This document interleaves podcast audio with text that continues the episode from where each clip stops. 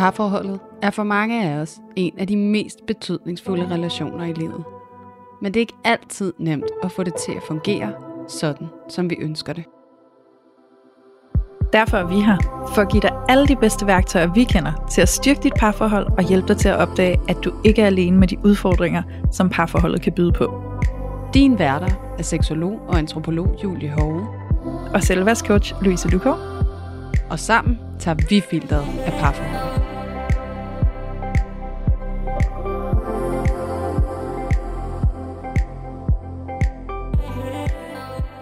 Hej og velkommen til Parforhold Uden Filter.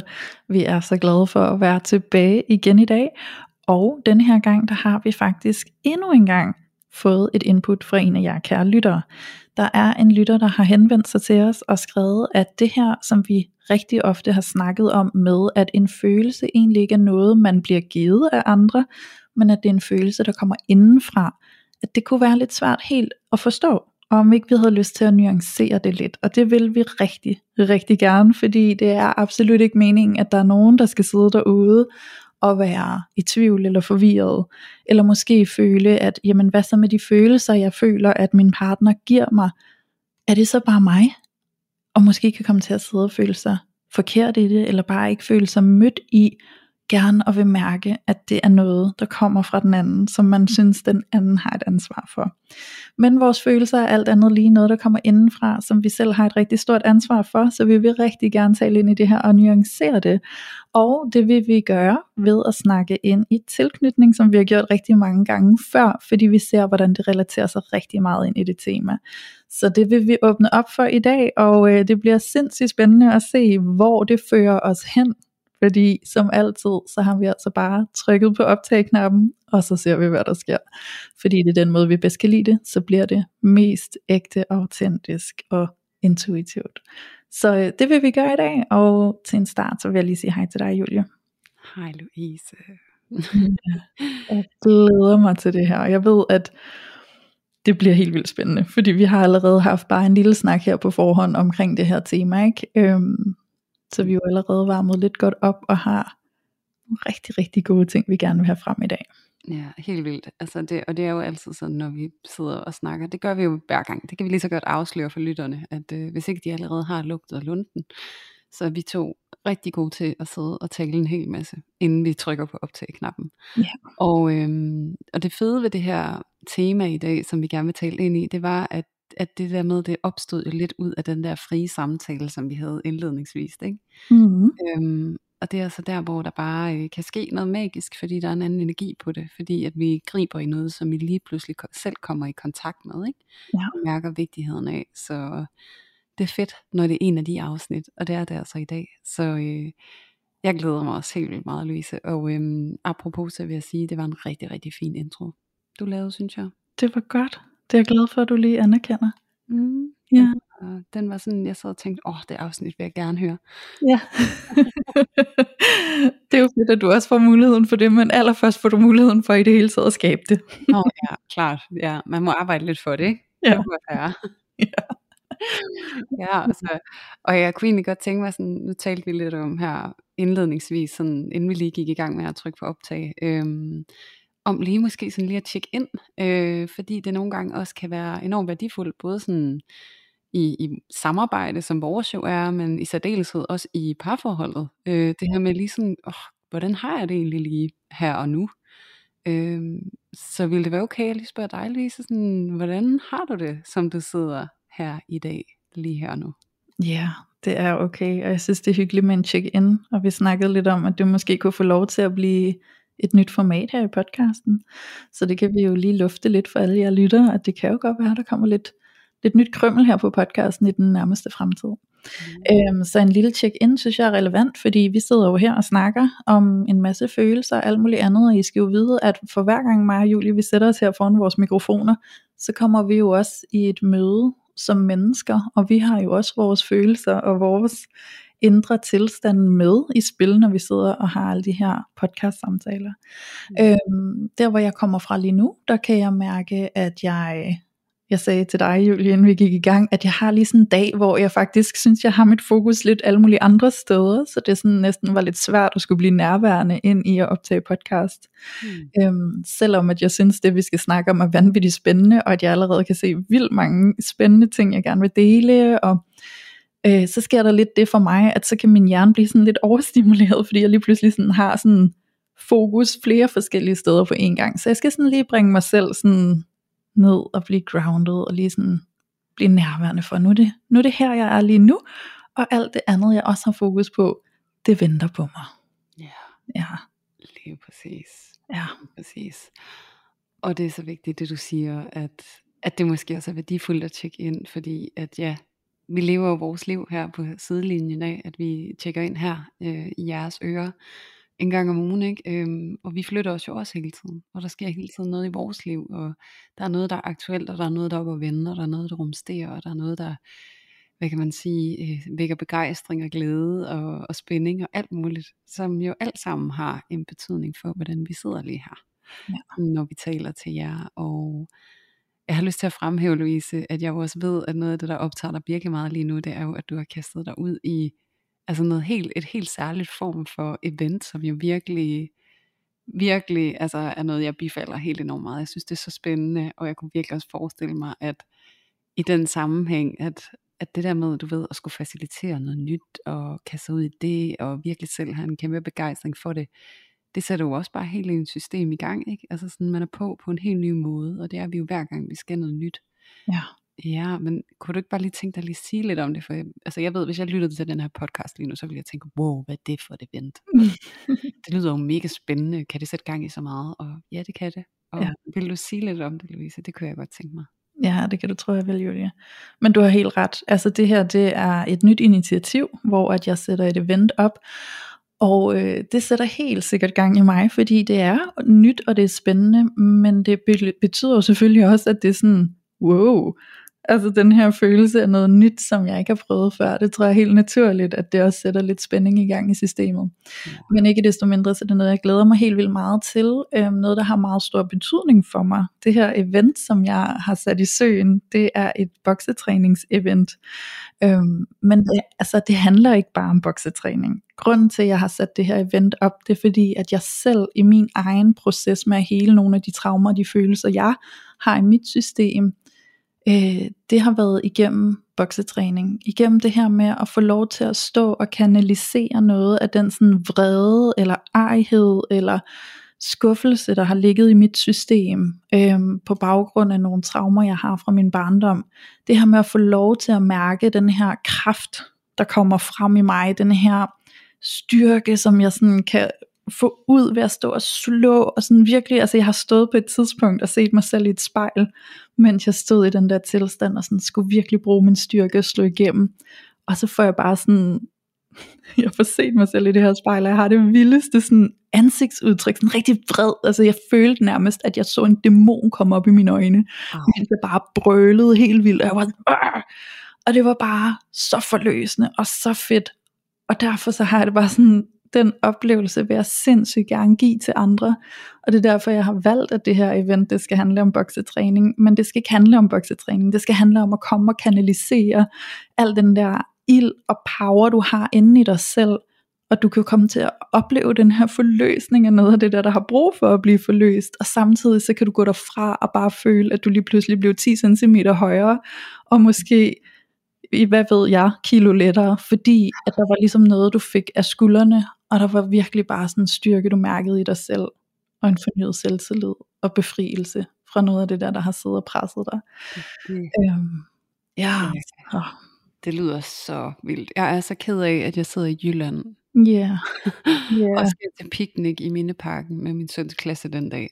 nå, Fordi jeg har virkelig, virkelig lyst til at være en del af det her, fordi det er sindssygt værdifuldt, Louise, og virkelig noget, jeg også selv godt kunne blive bedre til. mm, Noget, jeg glemmer det der med, du ved, at bearbejde øh, det emotionelle øh, i det fysiske også på en eller anden måde. Altså bruge kroppen som medie for den her emotionelle bearbejdning, ikke? Ja. Øhm, og virkelig sætte, som vi nævnte også i det sidste afsnit, hvor vi havde Tobias og Thor på besøg, ikke?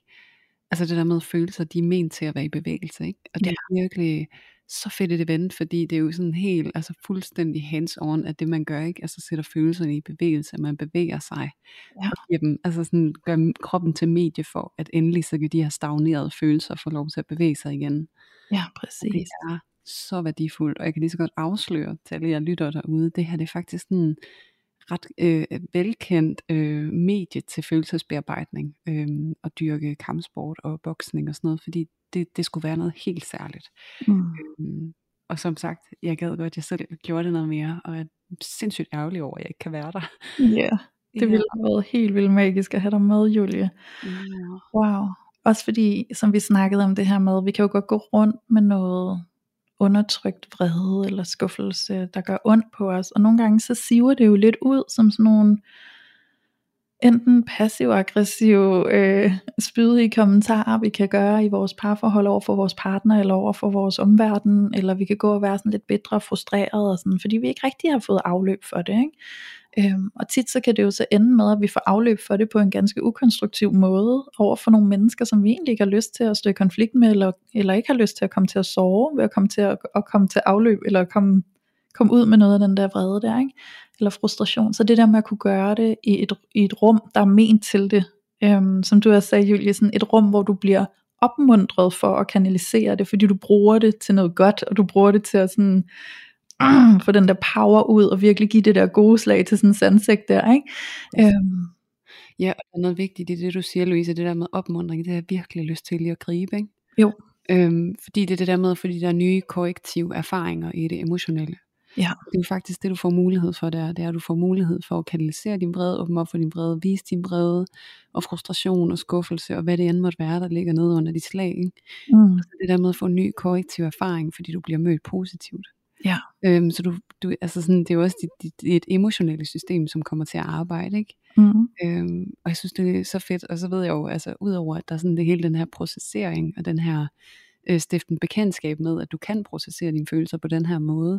Udover det, så ved jeg også, altså jeg kender dig jo, altså det bliver bare forestillet mig sindssygt fedt event, altså Ja. høj energi og, og nogle enormt værdifulde guldkorn, også i det du ellers bringer med til den her sammenslutning af de her skønne mennesker, der har besluttet sig for at, at give det her et skud, ikke? Altså, Jo.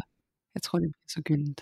Ja, det gør det, og jeg glæder mig vildt meget. Så til alle jer, der måske sidder lige nu og tænker, ej, det gad jeg faktisk godt at være med til, så foregår det her i København. Det foregår i Nordvest i et boksestudie hos en, der hedder Sune, der har et boksestudie, der hedder Belas Boxing, som jeg laver det her event sammen med. Og det foregår den 12. maj kl. 16 til 18. Så hvis det er noget, du godt vil være med til, så kan du række ud til mig. Det kan du gøre på min Instagram. Og så øh, skal jeg nok sende dig et link, så du kan købe en billet. Ja, jeg vil gerne med. Yeah, jeg vil gerne have dig med.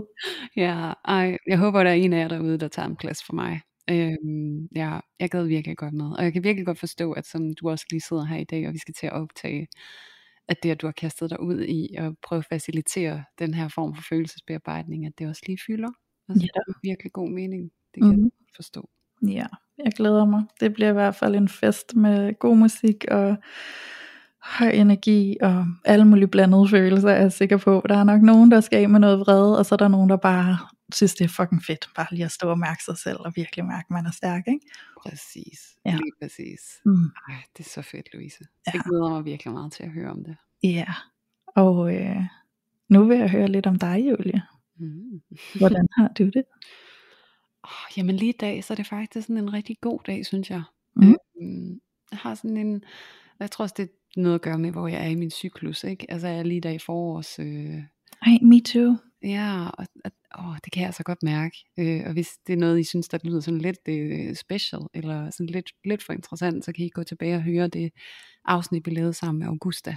Ja. Øhm, hvor hun fortæller rigtig meget om vores cyklus betydning for parforholdet og for os generelt, og hvordan vi fungerer i forhold til energi og alt sådan noget der. Alt sådan noget spændende noget. Ja. Men i hvert fald så kan jeg mærke, at der er jeg lige nu. Og øh, det, det har nok noget med min tilstand at gøre, og så også bare, at jeg føler, at jeg er sådan et ret godt sted med min søn. Øhm, og det kan jeg altid mærke, det fylder mig virkelig godt op, og jeg får sådan en god varme på indersiden, jeg kan gå og varme mig på. Ja. Øhm, ja, og så synes jeg egentlig på mange måder, at jeg er et rigtig fint sted. Og også fordi, at jeg har nu var jeg jo på efteruddannelse i sidste uge, og der havde jeg sådan en en-til-en terapi med min underviser, og det var sådan vildt intenst. Øhm, Mm. og helt vildt fantastisk. Hun er bare knaldhammerende dygtig. Øhm, og, øhm, og sådan, det er som om efter den oplevelse, så er jeg også blevet sådan mere afbalanceret i at være i, at min kæreste han er et presset sted. Øhm, fordi jeg føler mig bedre i stand til at kunne berolige mig selv og etablere tryghed der, hvor jeg også mærker, at han måske kæmper lidt og bliver lidt fjern. Og... Så det har sådan resulteret i, at jeg føler mig sådan ret ressourcefuld. Ja. Det, det synes jeg er helt vildt dejligt. Så Det kan har jeg virkelig godt forstå. Ja, Wow. ja, Det er dejligt at mærke, at man er ressourcestærk. Altså sådan, ja. Fordi det er bestemt ikke hver dag, jeg har det på den måde. ej, det må være virkelig sådan en lettelse på en eller anden måde, tænker jeg. Ja, det er det virkelig også. Det er virkelig, virkelig skønt. Øhm, ja, så det er det, jeg sidder her med i dag. Så, så du sidder her med en spænding øh, over det nye, du har kastet dig ud i, og det, der skal ske, og sådan lidt fyldt op af det, fordi der er jo også rigtig meget planlægning i forbindelse med sådan et event. Ja, helt bestemt. Ja, Ja. jeg sidder her og føler mig ressourcefuld. Ja, det er dejligt. Ja,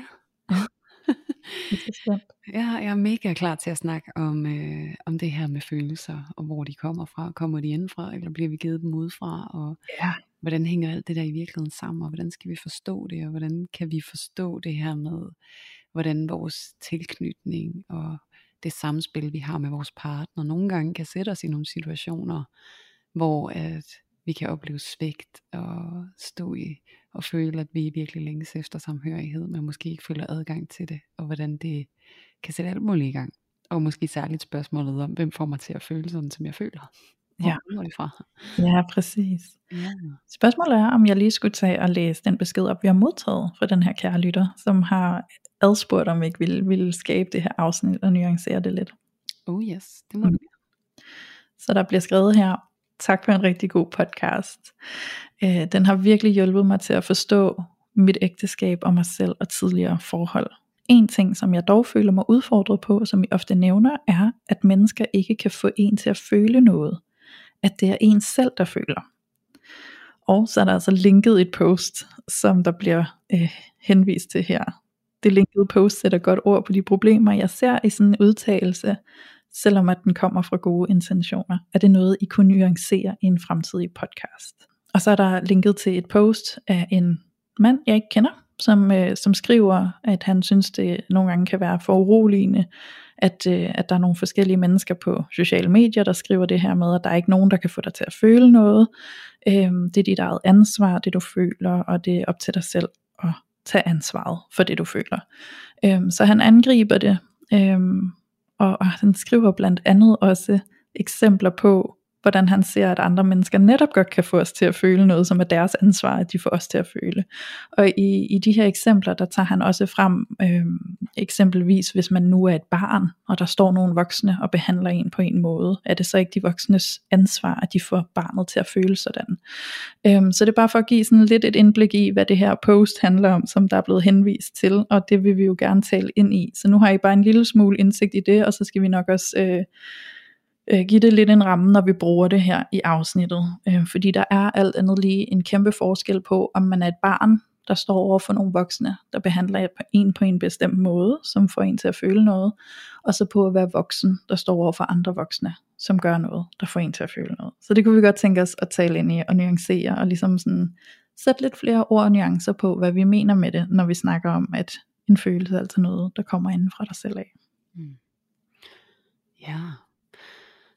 Og jeg synes jo, det er helt vildt interessant, og jeg synes altså virkelig også, det er et fint recap, du giver af det her post, og virkelig også, altså du får centraliseret ligesom der, hvor at vi kan begynde at skille imellem hvad er hvad, ikke? Jo. Øhm, og det er jo virkelig i forhold til det her med barndom og voksendom, hvis vi skal kalde det det. Ja. At der virkelig er en markant forskel, fordi at som du så fint siger, at, at når det er et voksen, der står over for et barn, så er der en tydelig ansvarsfordeling. Ansvaret ligger hos den voksne. Øhm, og man kan sige, at den voksne putter ikke følelser ind i barnet. Altså barnet har sit eget øh, system, øh, sit eget nervesystem, øh, sine egne emotioner. Øh, igen, altså når vi bliver født, så er vi installeret med, med, med hardware. Øhm, og det er også de her emotioner, øh, evnen til at føle forskellige emotioner, øhm, som jo er et navigationssystem, vi skal bruge i forhold til, hvordan vi skal begå os ude i verden. Det er der, vi bruger vores følelser og vores fornemmelser. Er det trygt? Er det utrygt? Bliver jeg vred? Bliver jeg glad? Så det er jo sådan en måde, vi sådan, øh, afstemmer os på i forhold til vores omgivelser. Og der kan man sige, at det der så sker med en voksen, der står over for et barn, det er jo, at de på den ene eller anden måde stiller noget op med barnet. Og barnet kommer i kontakt med nogle følelser, og det der egentlig bliver vigtigt, det er, hvordan barnet bliver mødt i de følelser. Ja. Og i forhold til, hvis vi kigger på tilknytning, så kigger vi på, hvor tilgængelige er de voksne. Kan, de komme, kan barnet få kontakt til omsorgspersonerne? Og så kigger vi på, hvor responsive er de voksne. Reagerer de voksne på barnets kalden, når deres system er aktiveret? Og så kigger vi på, hvordan engagerer de voksne sig mm. med det, som barnet oplever det her med, bliver de spejlet, hvordan bliver der mentaliseret, åh, oh, du har det på den her måde, og hvad sker der? Eller bliver der eksempelvis skilt ud, eller gjort forkert, eller påført skam, eller skyld. Så på den måde, så er det den omgang med vores omsorgspersoner, der netop definerer, hvordan hele vores emotionelle system det bliver indrettet. Ja. Ja, så jeg håber, det giver mening hertil. Det gør det. Det gør det helt bestemt. Fordi det er jo det, som vi... Altså det er jo sådan den basale grundviden, der er vigtig i forhold til at forstå, hvorfor vi som voksne kan stå i en relation, og så føle, at du har gjort mig ked af det. Mm-hmm. Det er dig, der får mig til at føle, at jeg ikke er god nok. Øhm, og og, og jeg, altså, sådan som jeg ser det, så bliver problematikken opstår jo i, at vi peger på et andet menneske og siger, nu er du herre over mine følelser. Nu er det din skyld, jeg føler sådan her. Så nu er det dit ansvar enten at gøre det rigtigt for mig, eller også så står jeg faktisk magtesløs tilbage, fordi du har magten over mine følelser, fordi det her er tildelt dig. Præcis. Øhm, og, og med den her grundviden omkring, hvordan vi ligesom er blevet emotionelt formet som børn, alt efter hvordan vi er blevet mødt og grebet og støttet i vores følelser, så giver det måske mening at se, at når vi står der som voksne i en relation, og der er nogen, vi står for, lad os bare sige vores partner, det er ganske øh, relevant for den her podcast, mm-hmm. øhm, at, øh, at vores partner gør noget, og så kan vi mærke, det du gjorde der, den adfærd, den handling, det du sagde, det skabte den her følelse i mig. Mm. Kig på, at den følelse, det har skabt i dig, det er en følelse, der er blevet aktiveret. Den følelse er aktiveret, fordi det i forvejen er en følelse, der er sårbar fra dig, for dig fra din barndom af. Det er det. Ja. Og det din partner er lige der i den kontekst, er en trigger. Ja. Ja. Så det er ikke din partner, der putter noget ind i dig. Eller som sådan påfører dig noget, men de trigger noget, som allerede bor hos dig. Ja. Og som er blevet etableret af dine omsorgspersoner. Eller mangel på samme, har jeg lyst til at sige. Ikke? Mm. Øhm, så det er det der med at måske i virkeligheden kigge på, der er ikke nogen der kommer og giver dig en følelse, men der er nogen der helt sikkert kan bidrage til at aktivere en følelse med den adfærd de har. Og det der er vigtigt lige her, det er netop at vide, at når nogen aktiverer vores følelser, så er det som oftest ubevidst. Mm. Ikke fordi de aktivt går ind og trykker på en knap. Øh, det er der selvfølgelig nogen, der gør. Det er en helt anden boldgade. Men i de allerstørste grad af tilfældene, så er det det her med, at der sker et eller andet, der er noget, der bliver sagt på en bestemt måde, der er et blik, der er en vende sig væk. Altså det er tit ofte de her helt små, subtile øh, bevægelser, mm. så bliver vi trigget i noget, ikke? Jo. Øhm, og det, er sådan, det kan være helt ubevidst for os, fordi de fleste af os registrerer engang, vi bliver trigget, vi reagerer bare på, at vi er blevet det. Ja. Så, hvorfor gør du sådan? Hvorfor siger du det på den måde? Mm. Eller, hvorfor gør du sådan lige nu? Øh, hvad betyder det? Og så når, når du gør sådan, så får du mig til at føle, at jeg ikke er vigtig for dig. Øhm, og hvor det virkelig er det der med netop at få øje på, at, at måske var det, den anden gjorde enormt harmløst, men det vækkede et enormt ubehag i dig. Ja. Ja. Jeg har et godt eksempel. Ja. Relativt nyligt. Øhm, fordi der kom jeg i mødet netop med den her oplevelse Øhm, og der kan jeg mærke en kæmpe forskel fra, lad os sige, Louise 25 år til Louise 36 år. Fordi Louise 25 år, hun vil være øhm, ubevidst omkring, at de her følelser er noget, der lever og bor inde i mig, som er blevet fremkaldt af en adfærd i min kæreste, eller noget han har sagt eller gjort, som i princippet er harmløst, eller giver rigtig god mening, at han siger og gør. Ikke? Mm. Øhm, men som kan nedbryde alt muligt ind i mig, og, og sådan nærmest sende mig sådan helt ned øhm, i det dybeste mørke. Øhm, og som 36-årig i dag, der ved jeg noget andet, så jeg kan håndtere det på en anden måde. Mm. Og det er rart. Øhm, som et eksempel er, at som barn, der har jeg haft en oplevelse af, at jeg var for meget. Haft en oplevelse af ikke at blive grebet i mine følelser, af dem jeg havde brug for at blive grebet i mine følelser af. Så jeg oplevede rigtig ofte, at jeg stod alene med nogle kolossalt store følelser, som jeg slet ikke vidste, hvordan jeg skulle navigere i eller håndtere på egen hånd som barn. Øhm, og det jeg blev mødt med var tit, nu må du tage dig sammen. Nu er du også for meget. Mm. Øhm, og det gjorde det svært, fordi jeg kom til at føle mig enormt uelskelig og enormt forkert, og som om at jeg skulle øh, komprimere mig selv, eller jeg skulle ikke have alle de følelser, jeg havde. Mm. Og størrelsen på de her følelser er jo nærmest kun blevet større af, at jeg ikke blev grebet. At der ikke blev skabt en tryghed og en støtte for mig i de følelser. Havde jeg fået den rette hjælp og vejledning til at forstå følelserne, navigere dem og blive spejlet i dem, og så havde jeg jo også fået en anden ro med den følelse. Så det er som om, at, at følelsen er jo bare vokset i takt med, at den ikke er blevet grebet. Øh, så der kom sådan en oplevelse af at være for meget, fordi det, det var tit den måde, jeg blev mødt, når jeg havde noget, der var svært i mit følelsesliv.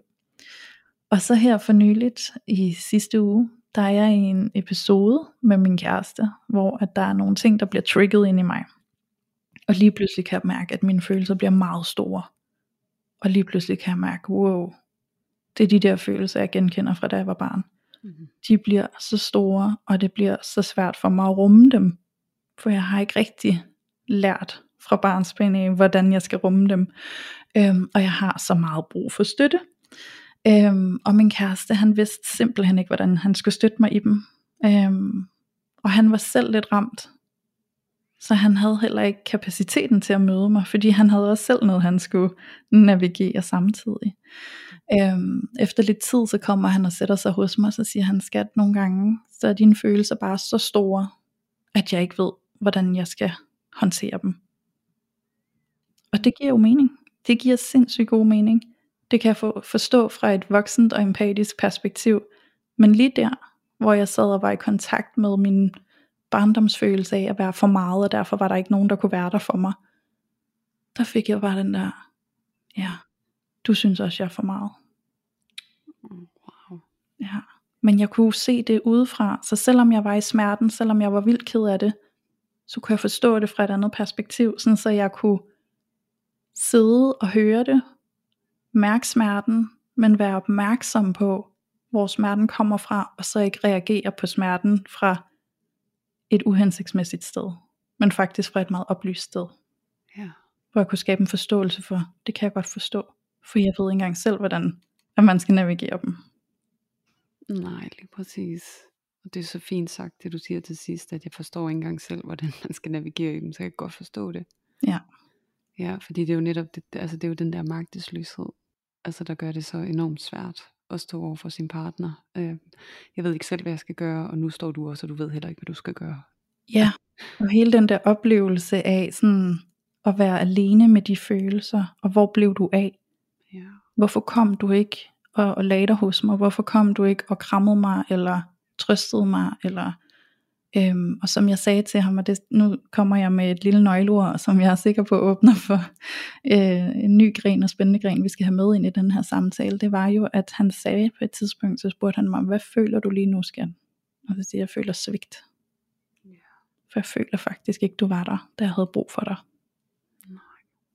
Og selvom jeg godt kan forstå, hvor han kom fra, og hvad der gjorde det svært for ham, og hvad der gjorde, at han ikke vidste, hvordan han lige skulle komme mig i møde, eller rumme det der skete, så fik jeg følelsen af svigt. Ja. Den følelse jeg så tit har oplevet som barn, når jeg har stået der med en masse følelser, der var sårbare. Mm. Og så har jeg følt mig mere forkert gjort, end jeg har følt mig rummet og grebet. Ikke? Ja. Så, øh, så, så, så, så der kom den der følelse af svigt, og den synes jeg jo er ret spændende, Julie, for den ved jeg, vi lige skal lidt ind på i dag. Ja, det er det, vi skal. Og det er virkelig, altså det er jo, når du beskriver det her med, at, at sidde der ved siden af ham og sådan, følte mig svigtet. Altså hvordan det er så vigtigt netop at få øje på, at lige der hvor du så står over for ham, og er i alle dine store følelser, og virkelig kan mærke, at du kan ikke få fat i ham, og han kan ikke få fat i dig, altså det der med, at der er ikke kontakt på en eller anden måde, ikke? Mm. Altså det er jo det der med også lige at få øje på, at det er jo ikke ham, du står over for længere på en eller anden måde, men det er jo din omsorgsperson. Ja. Altså så det er jo virkelig, altså, og det er jo det, der bliver så tydeligt lige der, og jeg håber det er okay, at jeg sådan tager det frem som eksempel, fordi det er netop det der med, det er så iboende i dig. Mm. At lige her, når jeg står med mine allerstørste følelser, har jeg så mange erfaringer med, at jeg ikke kan blive rummet. Ja. Og nu står du lige der over for mig, og du kan heller ikke rumme mig. Ja. Altså, men historien bor jo inde i dig. Men han er katalysatoren for, at du kommer i kontakt med den, ikke? Jo. Ja. Præcis. Ja, og så forståeligt, at du føler dig svigtet. Øhm, og jeg kan jo virkelig genkende det. Jeg har virkelig også stået mange gange Mm. i mine parforhold, og også mit nuværende parforhold, og følt mig så svigtet. Ja. Og vi talte jo om, inden vi gik i gang med det her afsnit, og sådan, som vi taler og taler, så tænker jeg, at det her kan udfolde sig i uendeligheder. Ja. Hvis vi måske alligevel, vi, vi drøftede lidt, er det to afsnit, er det et afsnit? Og jeg har advokeret for, at det her det er et afsnit. Men lige nu sidder jeg og tænker, at det var måske to. Men Det må en opfølger. ja, jeg tænker, at vi må lave en opfølger, fordi det, det begreb, som du netop ligesom teasede for lidt før, som vi gerne vil åbne lidt op for nu, det, det prøver vi at åbne op for, og så må vi se, hvor langt vi kommer med det i den her omgang. Ja. Og ellers er det i hvert fald en invitation til, at vi fortsætter med at dykke lidt ned i, hvad det er for en størrelse. Men som du siger, så udspringer det her begreb af ordet svigt. Ja. Og som vi jo også har sagt, så kan vi jo godt lide at kigge på det her med de aktiverede følelser i et tilknytningsperspektiv.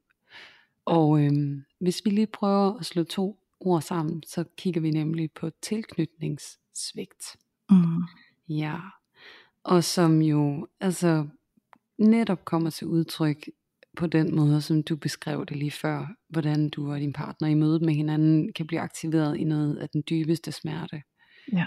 Øhm, og tilknytningssvigt, de opstår, når det er, at vi står i traumatiske situationer. Og det kan være traumatisk at stå med en hel masse kæmpe enorme, kolossale følelser, man føler sig ude af stand til at håndtere, og skulle stå alene med det. Det kan godt blive et traume. Øhm, og det er det, vi bliver aktiveret i mødet med vores partner. Mm. Og det kan ske flere omgange, og det er jo tit sådan, at man, man kommer til også at aktivere hinanden lidt. Øhm, så der er en god sandsynlighed for, at vi netop vil opleve de her tilknytningssvigt, at vi står i noget, vi kender, som er den største smerte, og har en følt og levet oplevelse af, jeg kan ikke blive mødt lige her. Ja. Som jo netop aktiverer det traume, der ligger fra opvæksten, i forhold til at skulle stå helt alene lige der, hvor at ubehaget og smerten, den er allerstørst. Mm. Og, øhm, og det kender, jeg jo, som jeg også sagde lige før, det kender jeg jo virkelig også fra mit parforhold. Øhm, og sådan bare lige for at kategorisere lidt til tilknytningssvigt, det er ofte nogle hændelser øh, i løbet af et, et parforhold, og i løbet af et liv. Det kan for eksempel være, mm, da jeg fik vores barn, så øh, følte jeg mig helt alene med det hele. Eller da jeg aborterede, så følte jeg mig alene med sorgen over, at det skete. Øhm, så det kan også være i nogle nye traumer, vi pådrager os undervejs, at vores partner ikke var der, sådan som vi havde brug for det. Eller utroskab. Ja, eller utroskab, ja. Det er virkelig også sådan et tilknytningssvigt, ikke? Altså en konkurrerende tilknytning, at der bliver skabt bånd uden for parforholdet. Ja. Øhm, men det her med, det kan være de her hændelser, øhm, som opstår i parforholdet, når vi sammen store og livsforandrende hændelser. Det kan også være et dødsfald, det kan være en flytning, eller et nyt arbejde, eller altså en stor livsomvæltning, hvor vi ikke føler os, os mødt af vores partner. Det sætter sig som sådan en tilknytningssvigt i relationen. Ja. Tilknytningstraumer inde i relationen. Og så er der de her små øh, svigt, små teer, øh, sådan små gentagende svigt, ikke? Øh, hvor det ikke Når du siger små t'er, at du lige skal sige, hvad t'et står for. Ja, traumer. Ja. Mm, Ja, så små traumer. Altså hvor at det måske ikke er så tydeligt, og det er næsten nogle gange dem, der er allersværest, ikke? fordi sådan, der er jo ikke lige sket noget her. Øhm, hverdagen er lidt som den plejer at være, eller øhm, jeg kan ikke se nogen umiddelbar stor forandring, men jeg mærker det enorme ubehag, Ja. øh, og den enorme distance i vores relation, og det kan være de her små traumer, som har fundet sted, hvor man af flere omgange har følt, at man har stået helt alene med nogle enormt svære komplekse følelser, og fået gentagende erfaringer med, at min partner kan ikke møde mig her. Ja. Her er jeg helt alene med mit ubehag, og, ikke, og der er ikke nogen, der kan være med mig lige her. Det kan virkelig, virkelig udfordre en relation. Ja, nu tror jeg lige, at jeg er noget sådan naturlig endestation, hvor jeg godt kunne tænke mig bare lige høre, hvad du tænker om det, Louise, om det giver mening, jeg siger, for jeg synes, jeg siger rigtig meget lige nu. Jamen, det giver så fin mening, alt det du siger. Jeg synes, det er så værdifuldt, at vi får bragt det her med ind. Øhm, og jeg ser, jeg ser vigtigheden i, at når, når det sker, de her små teer, små traumer, som måske kan virke sådan lidt svære for øje på, eller lidt usynlige, øhm, men vi mærker det alligevel, jeg tror på, at det er så utrolig vigtigt, at vi får det i talesæt, når det sker. Nogle gange så tror jeg, at det kan være svært at i talesæt det, fordi man ikke er helt sikker på, hvad det handler om. Øhm, måske kan man tænke ved sig selv sådan, når jamen, men situationen var jo sådan, og den kunne ikke have været anderledes. Så hvad, altså, jeg kan heller ikke tillade mig at kræve noget anderledes, end det der skete. Øhm, men virkelig vid, hvor vigtigt det er, at du får sat ord på det, fordi jeg ved i hvert fald helt personligt, i sådan nogle situationer, så kan jeg måske føle det der svigt, det her lille T. Mm. Øhm, og så kan jeg måske bare gå sådan lidt stille med det. Men hvis jeg går stille med det, så skaber det en afstand og en distance til min partner. Øhm, der kommer et brud i kontakten mellem os. Øhm, og hvis det så sker igen, eller det er sådan en ongoing ting, så bliver afstanden bare større og større og større og større og større og større. Øhm, hvorimod Øh, altså det har jeg oplevet før, og så er det jo bare endt med, at vi måtte gå fra hinanden. Øh, jeg har mærket, at i mit nuværende parforhold, der får vi sat ord på, og vi får snakket om det. Vi får ligesom adresseret, der er noget, der ikke sidder rigtigt. Der er noget, der har gjort ondt. Og vi kan snakke om det. Og det behøver ikke at betyde, at der er nogen, der skal sådan beskyldes for noget. Det behøver ikke at betyde, at der er nogen, der skal gøre noget men bare det der med, at vi kan mødes i kontakten om, at anerkende det er foregået, og at der har været den følelse til stede. Ja. Det genskaber kontakten for os. Ja, præcis. Reparerer den svigtfølelse, der har været. Eksempelvis den episode, jeg fortalte om lige før. Jeg kunne mærke et svigt, og det at jeg kunne føle mig tryg i at sige det til ham, fordi jeg også ved, at han godt forstår, at når jeg siger det, så siger jeg ikke, du har svigtet mig. Nej. Men jeg siger, jeg kan mærke, at jeg føler svigt. Mm. Så kan vi snakke om det. Uden at nogen er i, i angreb eller i forsvar, så kan vi genskabe kontakten, fordi han kan også sige, det kan jeg godt forstå, og det må også have været hårdt for dig. Ja. Ja, det var det. Og det var rart, at du anerkendte, at det var hårdt for mig. Præcis. Ja. Det er det, fordi det er ofte der, hvor vi ender med at gå i konflikt, det er når vi kan føle os, altså vi endnu ikke føler os anerkendte. Ja. Og det er jo lidt ligesom barnet, hvor forældrene står og skiller ud, og barnet måske sådan, om oh, det var slet ikke det, jeg ville, og nu blev du så vred, og det var ikke min mening, og mm. altså, du har følt sig helt enormt misforstået og overført ja. og angrebet, ikke? Jo. Øhm, og det er jo det, vi kan ende med at stå igen i over for vores partner, at nej, men jeg føler mig så misforstået lige her, jeg føler mig overfaldet, jeg føler mig angrebet, jeg føler mig kørt over. Mm.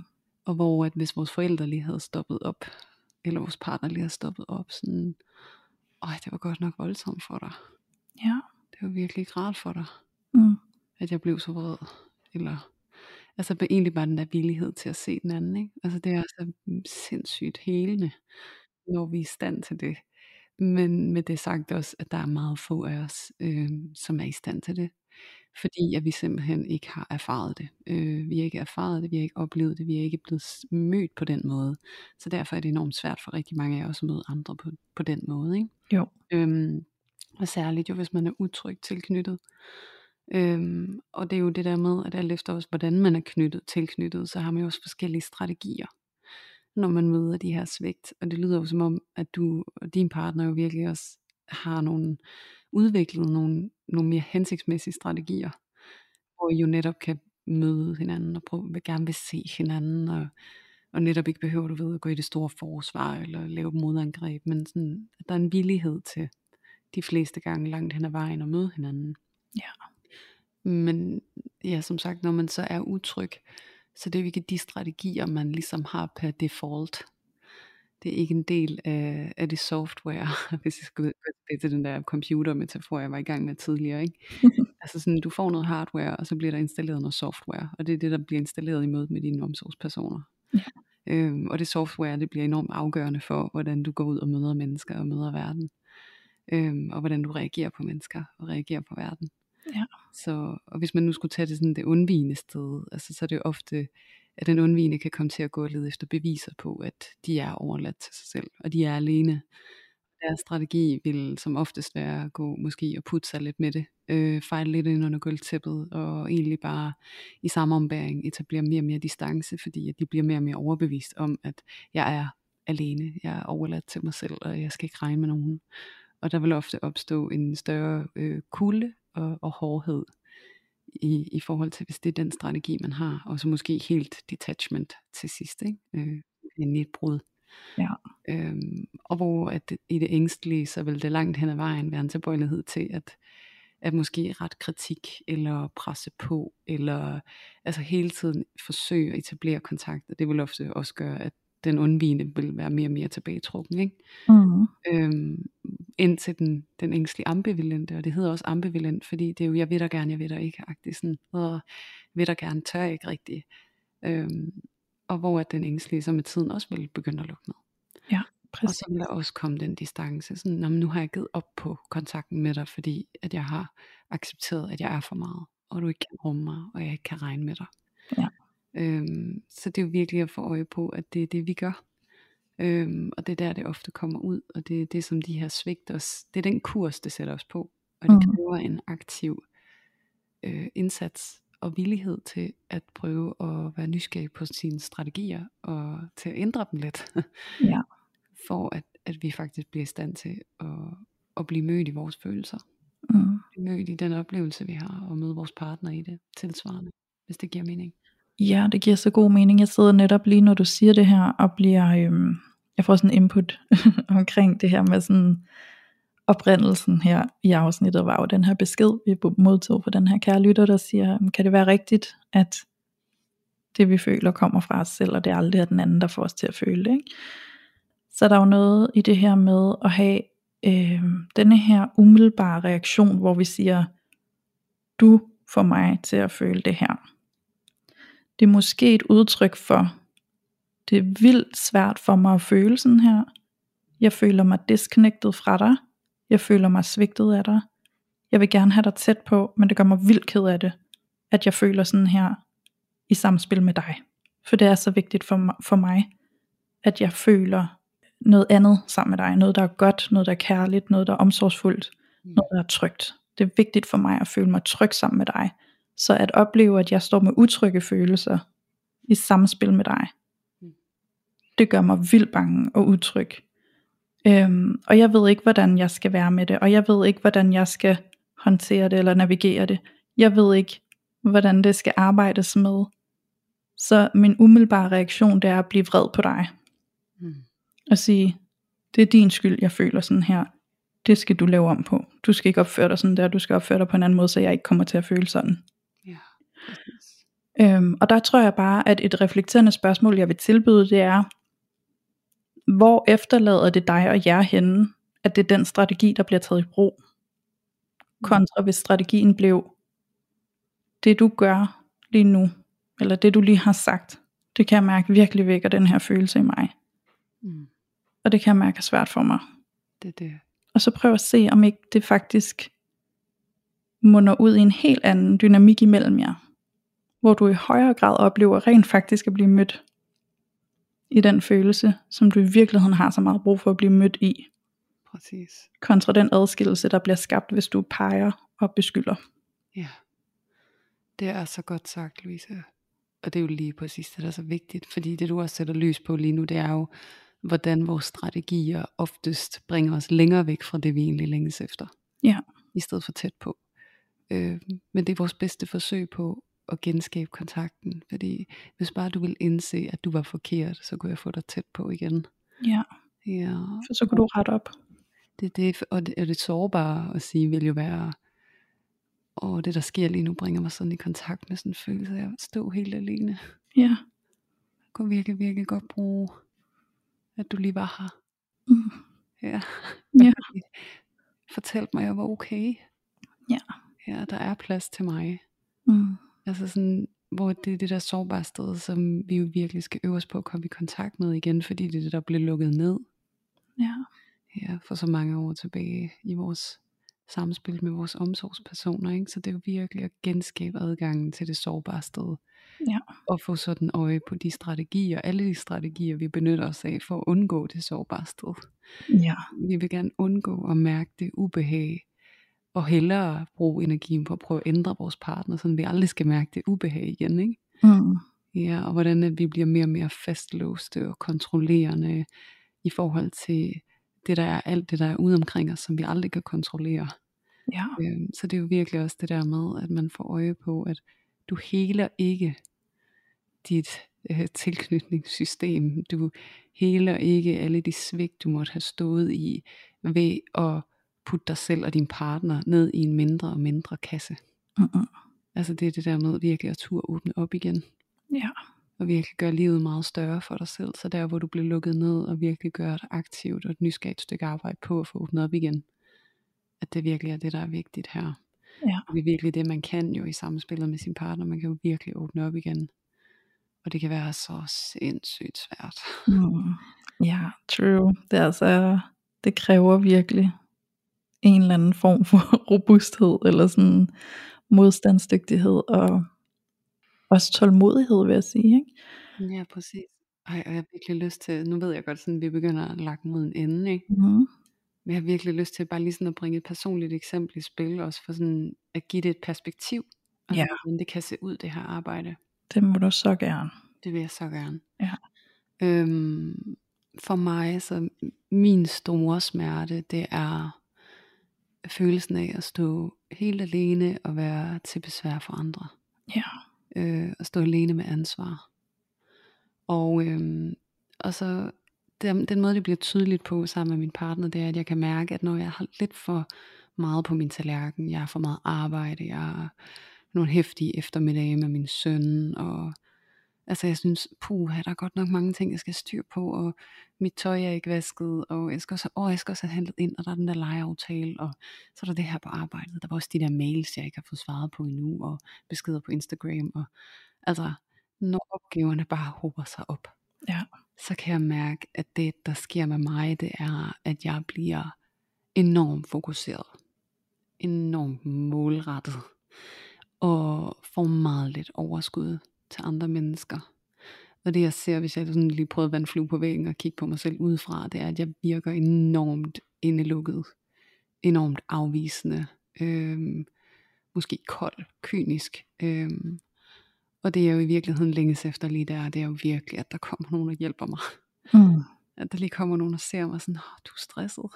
Ja. Ej, hvor har du meget at se til. Puh, skulle vi lige lave lidt luft til dig. Altså, Ja. Nogen, der bare ser dig i din struggle, og sådan gennemskuer det. Præcis, og men hele min strategi er jo at lukke ned og blive afvisende. Ja. Så det bliver så svært for at få øje på, for dem der er omkring mig. Så det er jo der, hvor min strategi, jeg har mit traume, min smerte, jeg står alene, jeg har så stort et ansvar, jeg kan simpelthen ikke overskue det, jeg kan ikke klare det her selv. Mm. Og dem udefra vil se, at du er godt nok afvisende, jeg skal nok holde mig langt væk fra dig. Ja. Og i virkeligheden så er der en dyb længsel efter, kom nu og hjælp mig. Mm. Og hvordan at sådan, det er blevet så tydeligt for mig, også i samspillet med min partner, netop når jeg har alle de her ting, hvordan jeg skubber ham væk. Ja.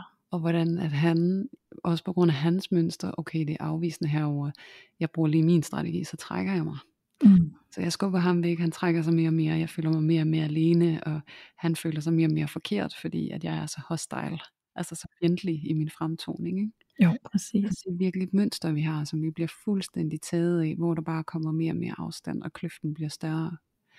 Og det, det i virkeligheden handler om for mig, det er alle de gange, jeg kom hjem i mit barndomshjem, og kunne se min mor sidde bag en computerskærm, og være så presset, fordi hun lige var kommet hjem fra genoptræningscenter efter sin hjerneskade, og hvordan hun slet ikke kunne rumme noget som helst, eller nogen som helst. Så den der, at hun bevidst nærmest prøvede at undgå mig. Øhm, og hvordan at jeg i den proces endte med at føle, at jeg var så alene. Ja. Og så alene. Sådan, min mor har lige været syg, og det har været benhårdt, og vi har også lige flyttet. Og, så der skete bare så meget lige der. Og jeg følte mig bare helt alene med det.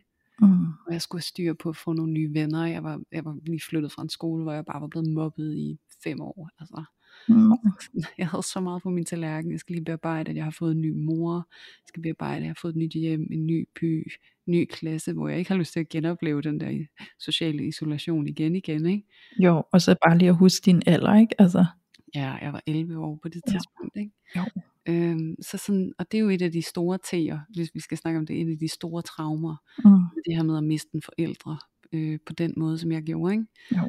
Så det der med at stå lige der i den situation, hvor at det var så overvældende det hele, og jeg kunne slet ikke, jeg følte, at jeg skulle sådan fokusere for at holde styr på det hele, og bare være god og præstere godt, for der var så meget ulykke rundt omkring os, og hvordan at jeg følte, at jeg var i stand til alt andet end det, man bare måtte simpelthen trække den op, altså sådan trække mig selv igennem det, Ja. og hvordan at min måde at håndtere det på, var bare at lukke mere og mere af fra andre mennesker, isolere mig mere og mere, Mm. for at kunne præstere det, og det ud, ikke? Jo. Øhm, og hvordan at jeg jo netop i mødet med min partner, når jeg bliver trigget, øh, sådan puha, jeg har for meget på mine skuldre nu, så kommer jeg til at skubbe ham væk, er jo så kontraintuitivt. Men det er jo mit bedste forsøg på at passe på mig selv, og undgå at mærke det ubehag, fordi at dengang, hvis jeg åbnede op omkring, hvor svært det var, så ville min mor jo reelt set ikke kunne være der for mig. Nej. Og det, jeg kunne undgå den smerte ved at lukke ned for mig selv. Ja. Og det er jo det, jeg gør stadigvæk, når jeg bliver allermest presset, det er, at jeg lukker ned for mig selv. Så jeg får heller ikke givet mig selv chancen for at åbne op for den sårbarhed, der gør det muligt for min partner også at møde mig. Ja. Ja, og jeg synes netop, at, at lige der, så bliver det så tydeligt, hvordan at vi har noget med os. Ja. Og i mødet med vores partner, i mødet med livet, om det er stressorer i forhold til det, der sker i parforholdet, eller stressorer udefra, arbejde, børn, whatever, så bringer det os i kontakt med alt det, vi har på indersiden. Ja. Og det sætter os i gang med vores strategier. Øh, alle de strategier, vi har lært for at undgå at mærke vores inderside. Præcis. Ja, og det Ja. det, gør det så svært. Og der kan vi ønske nogle gange, at vores partner bare lige skulle lave noget om, eller nu kender du mig så godt, du burde vide, jeg har brug for. Mm. så jeg kan undgå at sige mine behov, ikke? Altså, vi vil så gerne lægge ansvaret fra os, fordi det var jo det barnet i os drømte om, at der var nogen, der kom og tog det, ikke? Jo, og det er jo ganske ubevidst som oftest, ikke? Altså fordi i det øjeblik, vi bliver bevidste om det, så er vi jo ikke længere der, hvor vi prøver at ansvarsfralægge, eller der bliver jo lige pludselig en helt anden tilgang til det, ikke? Så det er jo også fordi, vi ubevidst synes, det ville være rigtig rart, hvis du bare kunne tage den her, og gøre det lidt rarere for mig, at være i det her, ikke? Ja, Ja, lige præcis. Tag min smerte fra mig. ja, ja, Ja, præcis. Men hvor er det det der med, det er så vigtigt, at den voksne del af os tager hånd om den yngre del. Ja. Og Gør det klart, hvad er det lige, der sker her, hvad er det lige, der er på spil. Og så det her med at dele med vores partner fra det voksne sted. Det er det her sted, jeg kan komme i kontakt med. Det der kunne være hjælpsomt for mig lige der. Ja. Det er det her, vil du være villig til? Har du mod på overskud til at prøve at møde mig lige her? Og så kan der være alle mulige gode grunde til, at det kan vores partner ikke have. Mm. For eksempel med ydre stressorer, ikke? Øh, Ja. Det står jeg selv i med min partner lige nu. Ja. Fordi han har travlt med sin virksomhed, så han er sådan, puh, jeg har bare ikke ret meget plads Nej. til, til at hjælpe med at regulere de der store følelser, men jeg har dyb forståelse for og respekt for, at det er det, der sker. Ja. Og jeg vil gøre alt, hvad jeg kan for at møde dig. Men jeg vil ikke love, at jeg kan det hver gang, fordi jeg selv er i mit. Så, og det er jo det, det er den samtale, der må finde sted, ikke? Men det Ja, kræver noget af os. Men den kan jo også, altså sådan bare det at blive anerkendt for, at man står med noget, der er stort og Mm. tungt i følelserne, Ja. kan nogle gange være øh, tilstrækkeligt lige for situationen, lige for momentet, at vi kan skabe en forståelse for, det er okay, at du ikke har kapacitet til at rumme alt mit lige nu. Mm.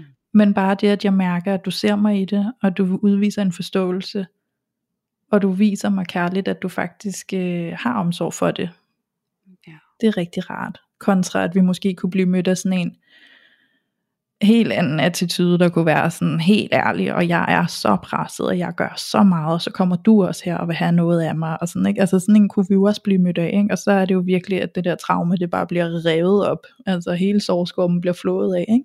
Det, det. Og så må vi lige gribe os selv der også, fordi det skal heller ikke være nogen hemmelighed, det er jeg også blevet mødt af. Ja, præcis. Og det er jo det der med netop, altså sådan, det er ikke vores partners ansvar at gribe den yngre del af os selv, som vi bliver bragt i kontakt med. Nej, Det er vores ansvar Ja. til at, at tage os kærligt af den yngre del af os selv. Altså, Dermed ikke sagt, at vi ikke godt må anmode om, at vores partner kan støtte os i det. Men det er det her skæld mellem, at jeg kan komme og anmode om det, men kan du ikke være det for mig lige nu, så kan jeg forstå det. Men jeg, men jeg kan også, altså sådan, ja, giver det mening, hvad jeg mener? det giver mega god mening, fordi det er det der med, at sådan, og det er jo virkelig det der med øh, skældet mellem samhørighed og selvstændighed, ikke? Jo. Øhm, hvor det er jo så vigtigt, at vi kan række ud. Ja. Det er simpelthen så vigtigt, at vi kan række ud, men for at vi kan række ud, og den anden kan tage imod, så skal der også være et valg på en eller anden måde. Ja. Så hvor det er sådan, nu viser jeg dig min sårbarhed, så har du med også bare at møde op, mand, og tage den. øh, hvor, at vi skal også huske, hvor overvældende det kan være, at stå der, øh, og lige skulle rumme det, Ja. eller prøve at imødekomme den store smerte, som vi jo selv har enormt svært ved at imødekomme, så også måske der lige kigge empatisk ind i, jeg har selv så svært ved at møde mig selv i her, så Mm. jeg har rum for, at det selvfølgelig også kan være svært for dig. Ja. Øh, hvordan kan det måske se ud, ikke? Øhm, og også virkelig, noget af det jeg har skulle lære, det er også det der med at være sådan en person, som jeg er, der isolerer sig rigtig meget. Øhm, så bruger jeg meget, du ved, altså sådan, så er det min kæreste, der er min go-to. Mm. du er mit menneske, du er min person, og, øh, og særligt i en individualiseret verden, hvor vi bliver mere og mere isoleret fra hinanden, bliver det måske mere og mere aktuelt. Øhm, og der har jeg skulle øve mig rigtig meget på at vende mig mod nogle andre end ham. Ja. Øh, og det kan jeg jo sige lige her, jeg vender mig jo også mod dig, Louise, øh, når at, at smerten den føles enorm, og det føles uoverkommeligt, og jeg er skide sur over, at det altid er mig, og Ja. at du har da måtte høre en klagesang eller to, ikke? Mm. Øhm, og bare blive spejlet og blive valideret i den oplevelse, jeg har lige nu, er enormt helende, fordi jeg får en ny korrektiv erfaring i mødet med dig. Ja. Så det der med også at få øje på, at det sker relationelt, og det behøver ikke død og pine at være din partner hver gang, og der er noget rigtig sundt ved os at udlicitere øh, det der behov i nogle andre relationer. Det giver dig en større følt oplevelse af tryghed. Mm. Jeg har så mange, jeg kan vende mig imod. Ja. Og, og det kan også være en utrolig gave for dit parforhold, at, øh, at I ikke står og falder på, at det er hinanden, I har. Ja. Det, det kan blive for meget for selv det allerbedste par. Ja, helt enig. Meget, meget enig. Wow, Julia, tak for at dele hele den beretning og alle de erfaringer, du har haft, og også til tider stadig står i, som vi jo alle sammen gør. Øhm, jeg har lyst til sådan helt afslutningsvis øhm, at komme med et eksempel på det her med at føle, øhm, at det er de andre, der giver os følelsen. Denne her, hele det her spørgsmål, der jo kom frem i dag, som vi har lavet det her afsnit ud fra, kan det virkelig være rigtigt, at, øh, at vores følelser er vores, og ikke noget, som andre kan give os. Ja. Så vil jeg komme med sådan et øh, eksempel, en metafor næsten. Hvis du forestiller dig, at der står en rundkreds af 50 mennesker, og inde i midten, der placerer du et menneske, som er blevet instrueret i at udføre en specifik adfærd, så vil du opleve, at der kommer 50 forskellige responser på den adfærd. Mm. Og det vil jeg lade være eksemplet på, at den person, der står i midten, har ikke givet en specifik følelse til dig, men har trigget en respons i dig på den adfærd, du så Ja. eller oplevede. Fordi der står 49 andre mennesker rundt om dig, som måske reagerer anderledes på det, end du gør. Ergo er det noget, der bliver trigget ind i os, noget, der bliver fremkaldt, fordi vi relaterer til den adfærd på hver vores måde. Præcis. Ja. Mic drop. Yes. Ja. Jeg håber, at, at tvivlen er blevet lindret en smule. Det håber jeg også. Og jeg håber, at øh, i alt det her, så er det også vigtigt for mig at sige, at det er jo ikke, vi sidder jo ikke her med nogle løftede pegefinger overhovedet. Vi er bare ude på at skabe et perspektiv. Og vi er ude på at bringe nogle nuancer i spil. Og så håber vi jo på, at med alt det vi kan give, at der så er inspiration til, hvordan I derude kan gribe det og bruge det. Sådan så I kan mærke, at der kommer øh, adgang til en mere behagelig dynamik i jeres relation. Lige præcis. Ja. Og jeg vil sige, så i forlængelse af lige præcis det tema, som vi har talt ind i i dag, og det her med, hvordan skiller jeg lige. Mm. Øhm, at så er der jo også en yderpol, som der jo er i næsten alt, hvad man kan gribe fat i, og så prøve at undersøge. Ikke? Øhm, som vi jo ikke nødvendigvis har talt om i dag, og det er jo når vi også snakker, at man kan jo få en partner, som har nogle narcissistiske træk og lever noget gaslighting og alt muligt. Det er ikke det, vi taler ud fra i dag. Altså det er mest sådan det gængse, fordi der er nogen, der kan manipulere helt vildt, så man kan komme så frygtelig meget i tvivl om, hvor kommer det her fra?